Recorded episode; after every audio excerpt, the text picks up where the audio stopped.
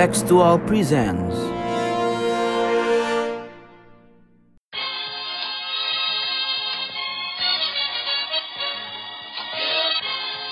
sondern wir schaffen uns unseren Staat. Mr. Gorbachev, open this gate. Together, we will make America great again. Sudah cukup bagi kita untuk mengatakan bahwa winter is coming. Selamat datang di podcast Bebas Aktif. Yo. Hari ini ada gue, Ical, dan Mas Sofwan. Hari ini kita mau doang ngomongin apa, Cal? Oh, ini ada yang seru nih, Fis. Um, kita corona aja belum kelar ya. Hmm. Ini corona aja belum kelar nih. Ada lagi kabar mengkhawatirkan yang ada kaitannya sama neg- negeri bambu nih. Kenapa tuh negeri bambu tuh? Ngapain dia? Lagi-lagi nih tanggal 15 Juni kemarin ada berita tentang eh, konflik yang pecah antara India sama Tiongkok. Tepatnya di perbatasan eh, Ladak. ya eh, di wilayah Galwan Valley.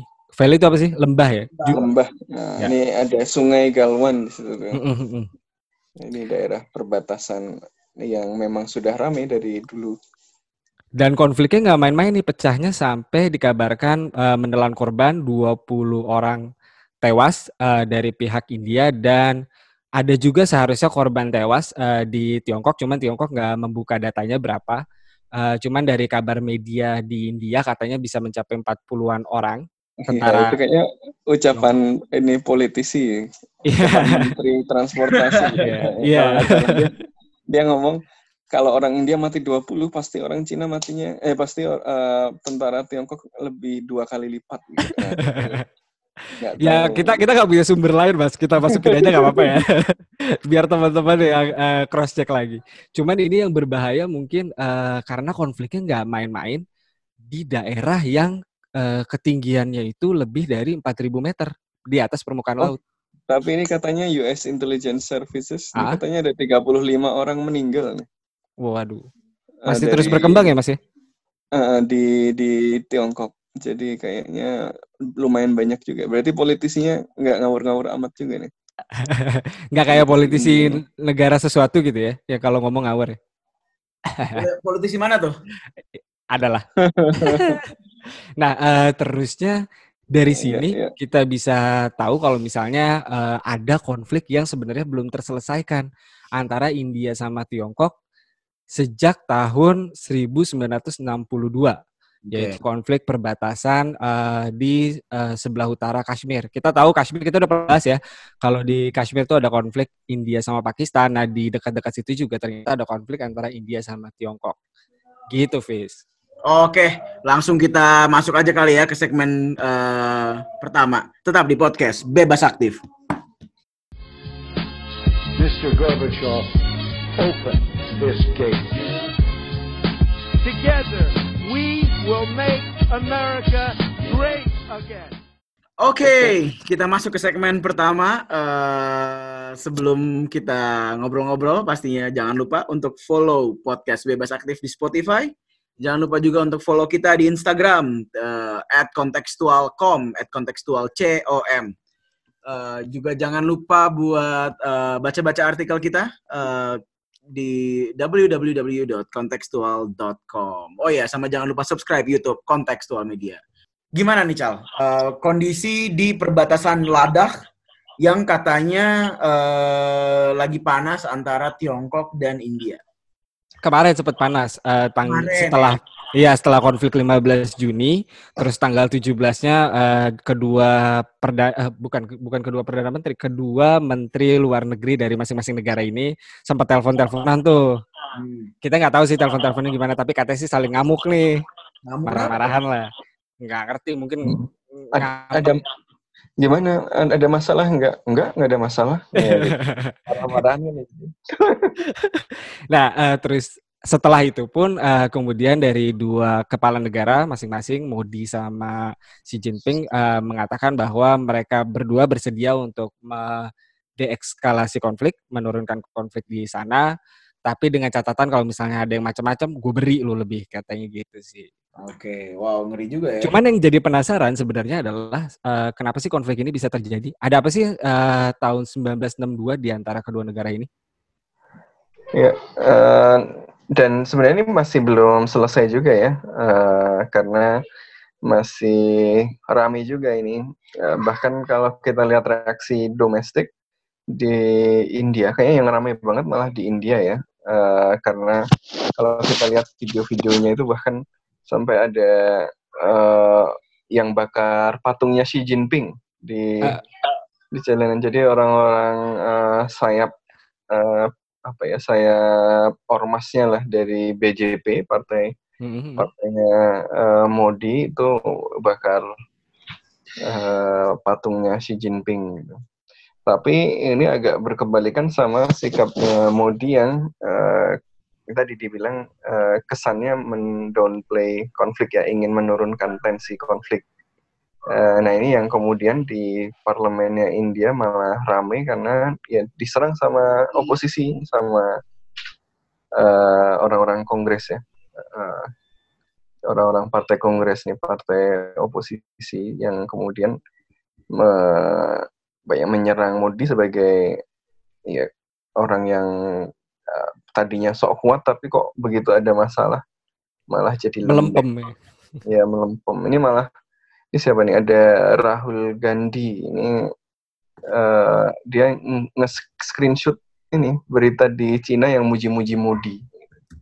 Kalau kalau Modi itu apa eh, kuat kok malah dipuji-puji sama sama musuh gitu. Kira-kira gitu pesannya. Jadi ini jadi arena konflik arena konflik eh, politik juga ini. Jadi kita masih belum tahu eh, endingnya kan kayak apa. Tapi kalau balik lagi ke eh, apa eh, kenapa sih eh, terjadi konflik di sana? Eh, kita nggak bisa lepaskan konflik ini dari apa ya peristiwa sebelum tahun eh, 60-an ya yang kemudian nanti apa terjadi seiring dengan eh, kemerdekaan India dan eh, kemerdekaan Cina kemudian kem- ke- apa, pengambil alihan kekuasaan oleh partai eh, komunis Cina ya yang kemudian eh, dalam periode-periode eh, pembangunan negara itu tentu salah satu yang paling penting adalah penentuan batas-batas negara. Hmm. Nah, ada satu wilayah yang eh, ada di eh, daerah perbatasan eh, antara India Cina ini. Ini ada daerah Sikkim gitu ya. Eh, ini kerajaan dulu ada kerajaan yang merupakan eh, bagian dari protektoratnya India lah kira-kira gitu. Nah, ketika eh, awal-awal kemerdekaan India, ya kan mereka kemudian ditanyakan mereka itu mau masuk ke mana, mau masuk ke India atau mau merdeka atau mau masuk ke eh, Tiongkok gitu ya, masuk ke Cina. Nah, eh, ternyata si kerajaan ini eh, menyatakan masuk ke eh, India ya, tapi Cina menganggap bahwa itu tindakan yang ilegal yang tidak sah gitu lah. Ya ini kemudian memicu konflik di antara dua negara yang waktu itu belum negara dengan kekuatan militer besar seperti hari ini ya masih sama-sama negara baru keluar dari eh, dari konflik eh, perang dunia ya dan dekolonisasi lah kira-kira gitu.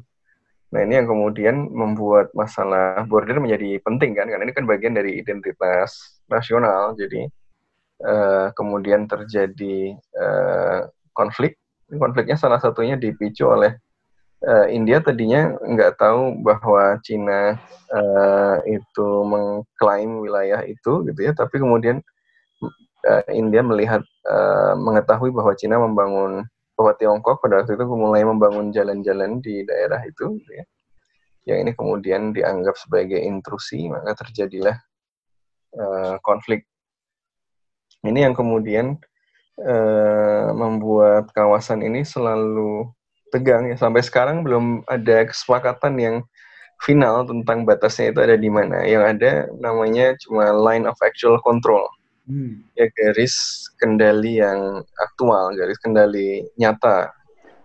Belum ada border yang semuanya setuju, undisputed. Ini loh garis batas kita gitu karena masing-masing masih ngotot dengan garis batasnya masing-masing dan eh, yang terjadi adalah eh, masing-masing masih ngotot tetapi de facto eh, mereka apa ya eh, punya batas batas aktual. Nah batas aktual inilah yang kemudian eh, dianggap oleh India eh, coba diubah oleh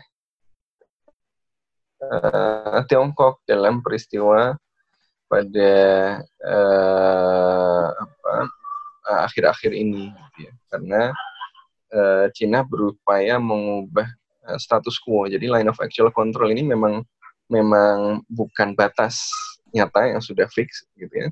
Karena Cina, eh, Tiongkok sama India masih punya batas, masih pegang batasnya masing-masing. Tapi kemudian eh, walaupun tidak pernah selesai konfliknya. Nah ini status quo ini yang dianggap oleh India sedang coba diubah sama si eh, sama Tiongkok dengan eh, apa tadinya ada Rusi, tapi belakangan kita lihat bahwa eh, Perdana Menteri Modi saja mengatakan eh, tidak ada eh, serangan ke dalam wilayah India oleh tentara eh, Tiongkok. Ini yang kemudian diserang oleh oposisi. Nah, kalau Perdana Menteri Modi bilang nggak ada tentara Cina masuk ke wilayah kita, tentara kita itu matinya gimana gitu, kira-kira gitu. Sampai buzzernya munculin Iya, hashtag iya. Modi surrender to China ya. Itu eh, negara penuh buzzer juga itu eh, India itu. Jadi Tapi Mas, kalau kalau kalau ada posting-posting? Gimana gimana? eh, Pokoknya kalau lihat Facebook internasional, eh, posting-posting yang norak-norak, kalau nggak dari 62 ya dari India. Mas, tapi aku ini sih Mas, Iya. eh, apa? perihal bordernya si eh, India China ini yang terutama rata-rata ada di high altitude kan Mas ya. Betul betul.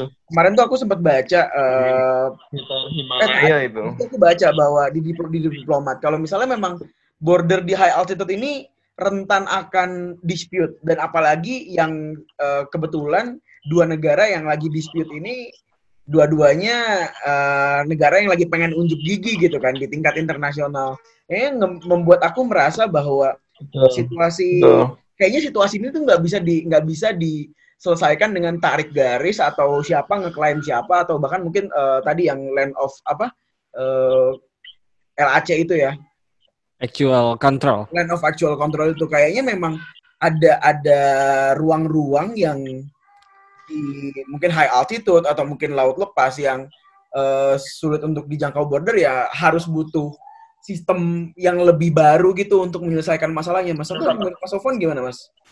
Betul. Eh, menurut gue ini em, menarik ya eh, kalau kita lihat kenapa border itu menjadi eh, masalah yang eh, apa sering mengganggu hubungan banyak negara karena atasan itu ya muncul pembangunan eh, apa identitas kebangsaan gitu ya. Jadi ketika India merdeka, kemudian eh, apa Tiongkok yang tadinya sudah merdeka tapi kemudian terpecah-pecah karena partai eh, nasionalis nggak cukup kuat sehingga pecah-pecah jadi banyak eh, wilayah yang dikuasai oleh para warlords ya. Kemudian baru bisa disatukan lagi sama eh, partai komunis eh, Tiongkok nanti. Eh, sempat disatukan eh, oleh eh, Kuomintang juga sih, tapi kemudian eh, dikuasai oleh eh, partai komunis eh, Tiongkok. Eh, nah ini yang kemudian membuat wilayah menjadi isu yang penting gitu. Karena mereka sedang menentukan siapa kita sih gitu. Eh, wilayah kita sampai di mana gitu ya jadi ini bagian dari identitas bangsa. Kalau kalau dilihat dari apa di situ ada apa sih? Itu sebenarnya ya di apa di wilayah yang eh, itu bahkan nggak banyak orang yang tinggal. Bahkan mungkin eh, apa ya ya tidak tidak nyaman untuk tinggal di situ si orang bahkan itu. eh, bahkan kabarnya eh, dari 20 prajurit India yang meninggal itu ada beberapa yang meninggal memang karena ketika lukanya eh ketika tertembak dan belum meninggal ini meninggalnya justru karena eh, sakit ketinggian gitu. Jadi apa eh, jarak yang harus ditempuh dari medan perang ke rumah sakit itu terlalu terlampau jauh sedangkan mereka sudah terpapar dengan high altitude sickness atau apa gitu namanya. Mm. Ya, jadi sebenarnya dari segi apa ya, eh, ini mau diisi orang atau enggak, eh, orang juga nggak akan masuk ke situ gitu. ya. Jadi eh, bahkan maksudnya tidak dihuni gitu. Jadi sebenarnya ada atau enggak ada batas itu nggak ngaruh-ngaruh amat gitu eh, ke kehidupan masyarakat India maupun ke kehidupan eh, orang-orang Tiongkok. Cuma eh, masalahnya tadi ini kan bagian dari proses nation building tadi yang menentukan eh, bangsa kita itu siapa batasnya ada di mana gitu sehingga ini menjadi sesuatu yang sangat eh, sensitif gitu ya. Nah kemudian eh, yang kedua gue juga setuju tadi eh, Hafiz ya ini ya ini eh, konflik yang sebenarnya sudah lama dan mau tidak mau pasti akan segera meletus karena terjadi eh, pergeseran kan di dalam eh, distribusi kekuatan. Status quo atau yang namanya line of actual control itu kan eh, apa ya efektif ketika kemudian kedua belah pihak melihat bahwa ada perimbangan kekuatan yang yang membuat mereka menjaga diri untuk menghormati line of actual control tadi. Tapi begitu eh, terjadi eh, perubahan di dalam eh, di dalam eh, kekuatannya di antara kedua negara itu, maka eh, jelas pasti pihak-pihak yang merasa dia bisa membuat manuver lebih eh, besar, dia pasti akan mencoba mengubah status quo. Tapi eh, dari situ yang eh, gue temukan menarik ya mas, te- kaitan dengan alasan sebenarnya kenapa konflik ini bisa pecah. Gue berpikir bahwa ini kan konflik eh, kata Mas Sofan belum kelar-kelar amat gitu dari dulu ya. Ya, belum benar terus beneran ada batas yang beneran disepakati. Gitu. Terus naik turun naik turun sampai eh, kemarin terakhir eh, meningkatnya itu ketika India sama Tiongkok me, me- mendeploy menaruh eh, pasukannya di eh, perbatasan itu tiba-tiba dengan jumlah yang banyak le- lebih banyak daripada biasanya itu da- sejak awal Mei kalau menurut berita yang gue temukan. Sebelumnya cuman- ini juga India bangun bangun jalan, Jalan. bangun, si- bangun jalan di situ yang dianggap oleh Cina sebagai yang dianggap oleh Tiongkok sebagai dan ini mengganggu apa ya mengganggu status quo. Ini kan katanya eh, line of actual control nggak diapa-apain gitu ya. Nah, kalau menurut India itu di wilayahnya India dia bangun bangun bangun jalan aja gitu kan. Nah, ini Eh, yang gue temukan eh, justru menariknya apakah kita bisa bilang kalau ini ada kaitannya dengan eh, tujuan eh, Tiongkok yang eh, eh, obor Belt Initiative itu. Soalnya kalau gue lihat ya hubungannya, eh, gue tuh ngelihat China mulai bergerak di bordernya kayak di Laut Tiongkok Selatan katanya kan eh, LCS eh, and something terus juga di beberapa perbatasan Tiongkok lainnya itu kan sebenarnya ketika kita dengar kalau misalnya si Tiongkok ini mulai uh, menginvestasikan uangnya ke beberapa negara. Kalau kita dengar di sini mungkin kaitannya ketika uh, Tiongkok udah menginvestasikan lebih dari 6 juta dolar Amerika Serikat ke Pakistan untuk uh, mewujudkan tujuannya. Nah, apakah kemudian ini bisa dibilang sebagai uh, salah satu langkah uh, nyata yang coba diambil Tiongkok untuk mewujudkan impiannya itu? Ya, uh, Belt and Road yang apa ya? uh, kalau yang dikatakan oleh Beijing ya dia uh, tujuannya ekonomi ya untuk membangun kerjasama ekonomi. Tapi kalau uh, mereka yang melihat Tiongkok uh, tidak dengan uh, melihatnya sekedar sebagai kesempatan tapi juga sebagai ancaman seperti India misalnya ya pasti melihatnya dengan penuh kecurigaan gitu. Nah karena itu eh, apa Belt and Road Initiative ini kan kalau buat orang-orang eh, India misalnya mereka nganggap ini ya kayak eh, kelanjutan aja dari eh, string of pearls gitu ya. Jadi eh, kalau string of pearls itu adalah upaya Tiongkok untuk membangun pelabuhan-pelabuhan di wilayah Samudra Hindia. Tapi pelabuhan-pelabuhan itu bisa dikonversi jadi pelabuhan-pelabuhan militer yang kemudian ya bisa menjadi uh, aset militernya Tiongkok di Samudra Hindia. Nah, Belt and Road Initiative ini memperluas itu dengan menghubungkannya dengan wilayah yang lebih luas plus sampai ke darat juga gitu. Makanya India uh, juga melihat ini sebagai ancaman dan merespon salah satunya ya dengan melakukan pembangunan-pembangunan infrastruktur juga. Meskipun India juga mencoba bekerja sama dengan Tiongkok, Kayak ada beberapa proyek yang dijalankan bareng sama Tiongkok juga ini uh, antara India dengan Tiongkok pembangunan infrastruktur juga yang gara-gara konflik ini ada sekitar 30-an uh, proyek yang di stop untuk sementara.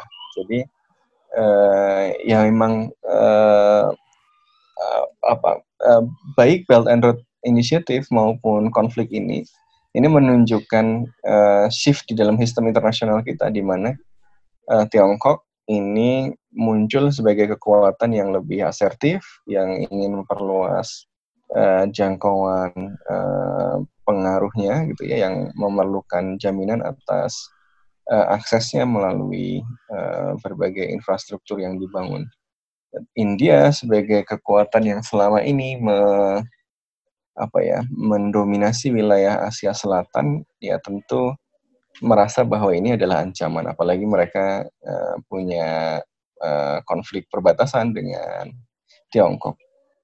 Nah, tapi balik lagi sama uh, apa ide Hafiz tadi, menurut gue uh, menarik juga itu soal uh, apa uh, memikirkan ulang perbatasan. Salah satu norma yang uh, membuat kita mengalami konflik sampai sekarang itu kan norma yang sering disebut sebagai apa ya border fixity gitu. Seakan-akan negara itu atau uh, itu hidup dalam sebuah wadah gitu ya yang wadah-wadahnya itu tetap gitu. Ketika kemudian wadahnya nggak disepakati uh, misalnya ada border yang overlap maka terjadi konflik. Padahal di perbatasan itu kalau kita lihat di banyak konflik ada apa ya batas-batas yang sebenarnya uh, apa ya nggak punya nilai ekonomi yang besar nggak ada orang yang bisa hidup di sana juga. Atau kalau dia punya nilai ekonomi yang besar eh, barangkali eh, tidak harus diperlakukan sebagai eh, apa ya eh, sesuatu yang eh, sangat sakral gitu ya. Ada ide misalnya untuk memper apa memikirkan ulang eh, makna border ini gitu. Jangan-jangan eh, konsepsi jadi konsepsi Westphalia tentang batas yang kemudian membuat negara melekat kepada uh, apa kedaulatan melekat kepada teritori ini kan tadinya diciptakan untuk mencegah konflik gitu ya. Supaya uh, otoritas nggak overlap satu sama lain dikasih batas dan di dalam batas-batas itu ada yang berdaulat satu saja namanya negara, yang lain nggak berdaulat di situ. Jadi jadi konsep kedaulatan, konsep batas ini lahir untuk mencegah konflik.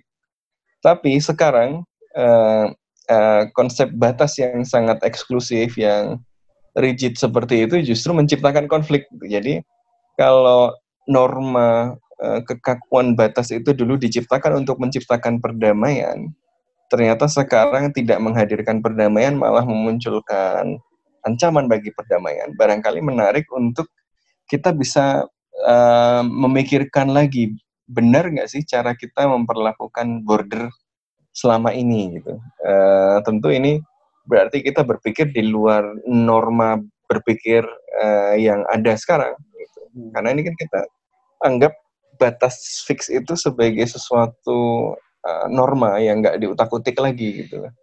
Nah ini kita membutuhkan uh, kemauan untuk uh, thinking the unthinkable gitu sekarang dan menurut gue ini hal yang yang yang menarik. Ada banyak konflik yang bisa kita selesaikan kalau kita misalnya lebih fleksibel dalam menyikapi batas-batas negara. Uh, tapi ini tentu uh, apa proses yang panjang gitu ya. Oke. Okay. output dari konflik ini yang gue temukan juga menarik sebenarnya adalah uh, peran yang uh, tidak begitu signifikan dalam perdamaian. Ini uh, salah satu um, apa ya kejadian fenomena yang uh, cukup menarik di dunia internasional di mana Amerika Serikat nggak berperan banyak dalam perdamaian, tapi oh, justru oh, Amerika Serikat berperan tuh. Oh ya. Yeah. Uh, Trump kan ngasih komentar. Saya nelpon eh, Tiongkok, saya nelpon India. Ada di Be- Beda loh mas, peran sama nelpon soalnya ko- eh, musuhnya Amerika Serikat selama ini Rusia justru nggak cuma nelpon doang. Eh, Rusia itu dengan eh, terbuka eh, mengundang kedua eh, menteri luar negeri dari masing-masing negara, di mana India juga merasa nyaman sama Rusia, Tiongkok juga merasa nyaman sama Rusia, terus mereka dipertemukan rencananya hari Kamis. Kalau nggak salah di berita yang gue temukan. Kamis tanggal berapa? Ini kan tanggal kayaknya besok deh tanggal 24 atau gue salah atau s- ya pokoknya eh, kita lihat aja perkembangannya tapi yang jelas di sini justru Rusia mengambil peran yang lebih besar karena Rusia juga punya bilateral eh, perjanjian bilat eh, trilateral antara India sama Tiongkok RIC namanya terus juga Mhm. kemudian eh, kita lihat bahwa India bisa begitu terbuka sama eh, Rusia juga karena India sekitar 60 sampai 70% dari uh, militernya itu uh, disuplai sama Rusia. Terus juga Tiongkok punya banyak perjanjian sama Rusia. Jadi kayaknya kedua belah pihak ini lebih nyaman justru ketika dijembatani oleh Rusia. Kita nggak tahu ke depannya kayak gimana. Apakah ada manuver-manuver dari Amerika Serikat untuk kemudian men- menjaga eksistensinya di uh, wilayah ini. Ya, jadi ini memang konflik yang menarik karena yang terlibat banyak ya, dan ini nggak cuma politik antara Cina dan India, di level internasional ada eh, banyak aktor lain. Bahkan ini selain Rusia yang ikut-ikut, kalau apa, tapi kalau ini ikut ngomporin nih, ini Tibet juga nih me- ngomong misalnya para pemimpin eh, Tibet yang di pengasingan ini memperlihat mengatakan bahwa ini strategi eh, ekspansionis ekspansionis Cina memang seperti itu gitu katanya gitu.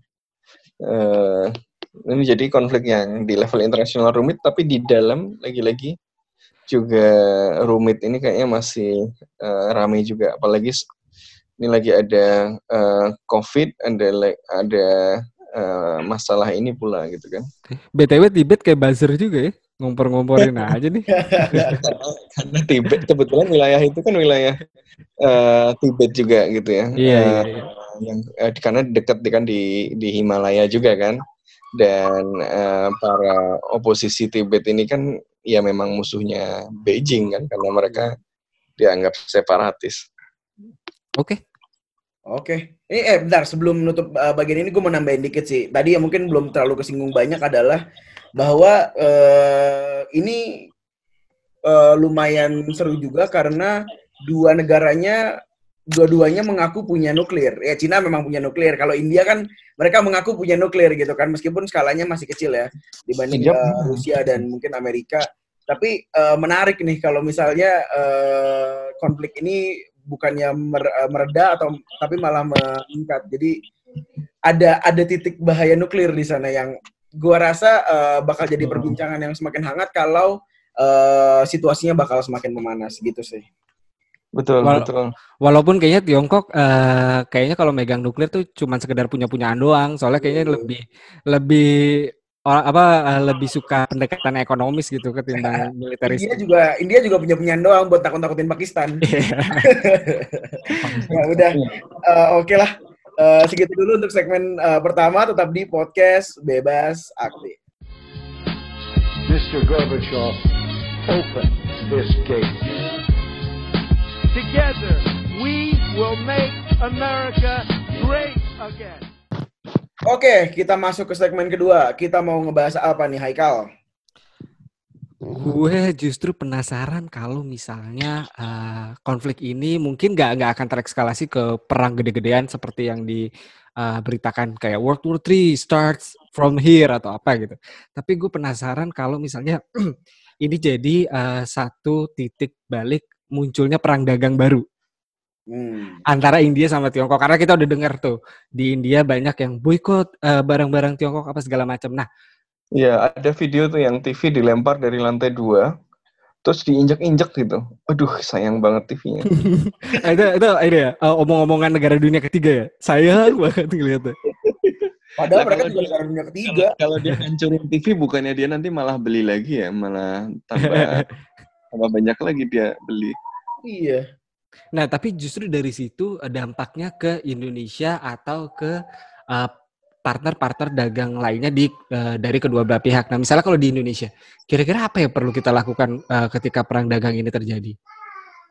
Eh, kalau Cina dan India memang eh, hubungan ekonominya kan juga naik turun, jadi bukan hal yang baru sih sebenarnya. Eh, dan memang sebagai negara yang sama-sama eh, besar eh, dan berbatasan pula, ya pasti ketegangannya eh, banyak gitu. Jadi eh, apalagi kalau kita lihat sejarah filsafat politiknya India kan dulu ada eh, Kautilya itu yang eh, bicara tentang teori Mandala itu kan. Yang, Tugas saya itu Mas di kuliah. yang kalau berbatasan eh, dengan kita ya itu kecenderungannya musuh kita ya.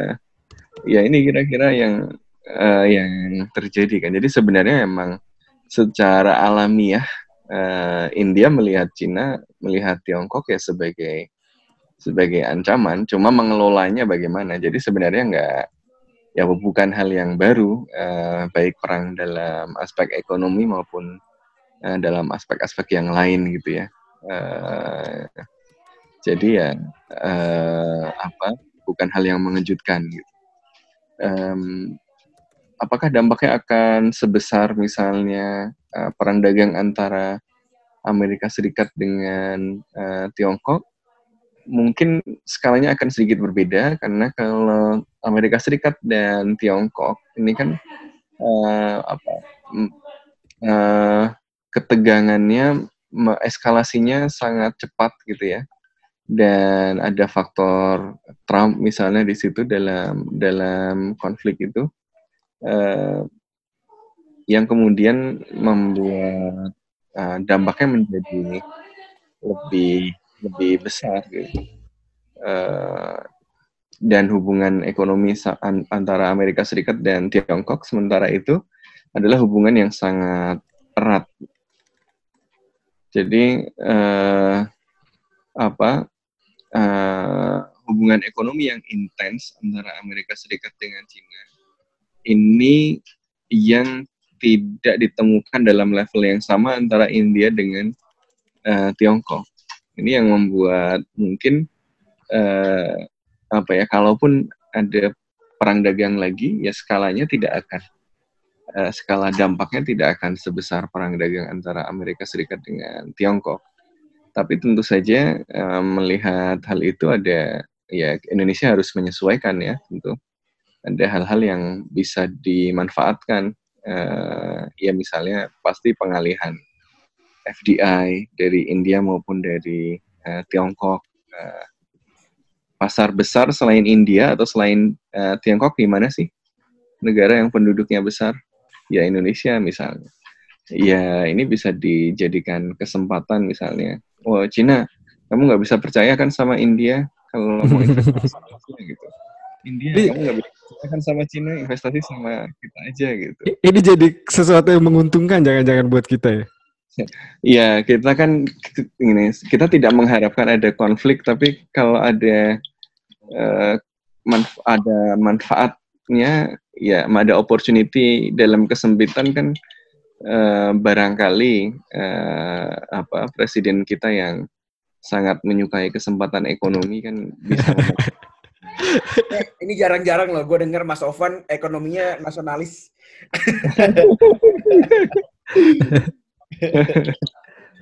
Oke, em, gue nggak nggak menyarankan, gue kan memper, me- diminta men- menduga kira-kira akan kayak apa gitu. tapi Mas, eh, aku tuh kadang kalau misalnya ngelihat perang dagang kan kita sering banget ya optimistis. Ba- banyak banget eh, artikel-artikel, pendapat-pendapat yang bilang kalau perang dagang ini akan membawa keuntungan bagi negara lain gitu kan.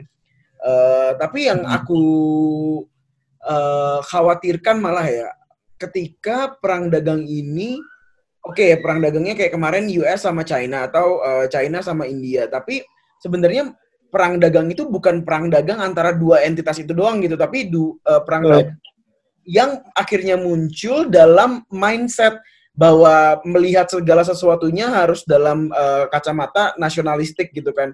Yang mana kalau misalnya eh, pandangannya jadi berubah seperti itu, kayaknya malah semua negara jadi ada tarifnya gitu. Maksudnya eh, arti itu artinya tidak belum tentu dapat menguntungkan Indonesia, malah bisa jadi eh, perang dagang mindset perang eh, dalam konsep dagang ini berarti kan mindset tarif ya akan diterapkan ke perdagangan di eh, seluruh dunia gitu ke negara-negara lain yang mana eh, at the end ya akhirnya nggak ada yang diuntungkan juga sih kalau kayak karena maklum nih saya saya memang pro free market Ini ya. agak, agak, agak, agak terbalik gitu ya.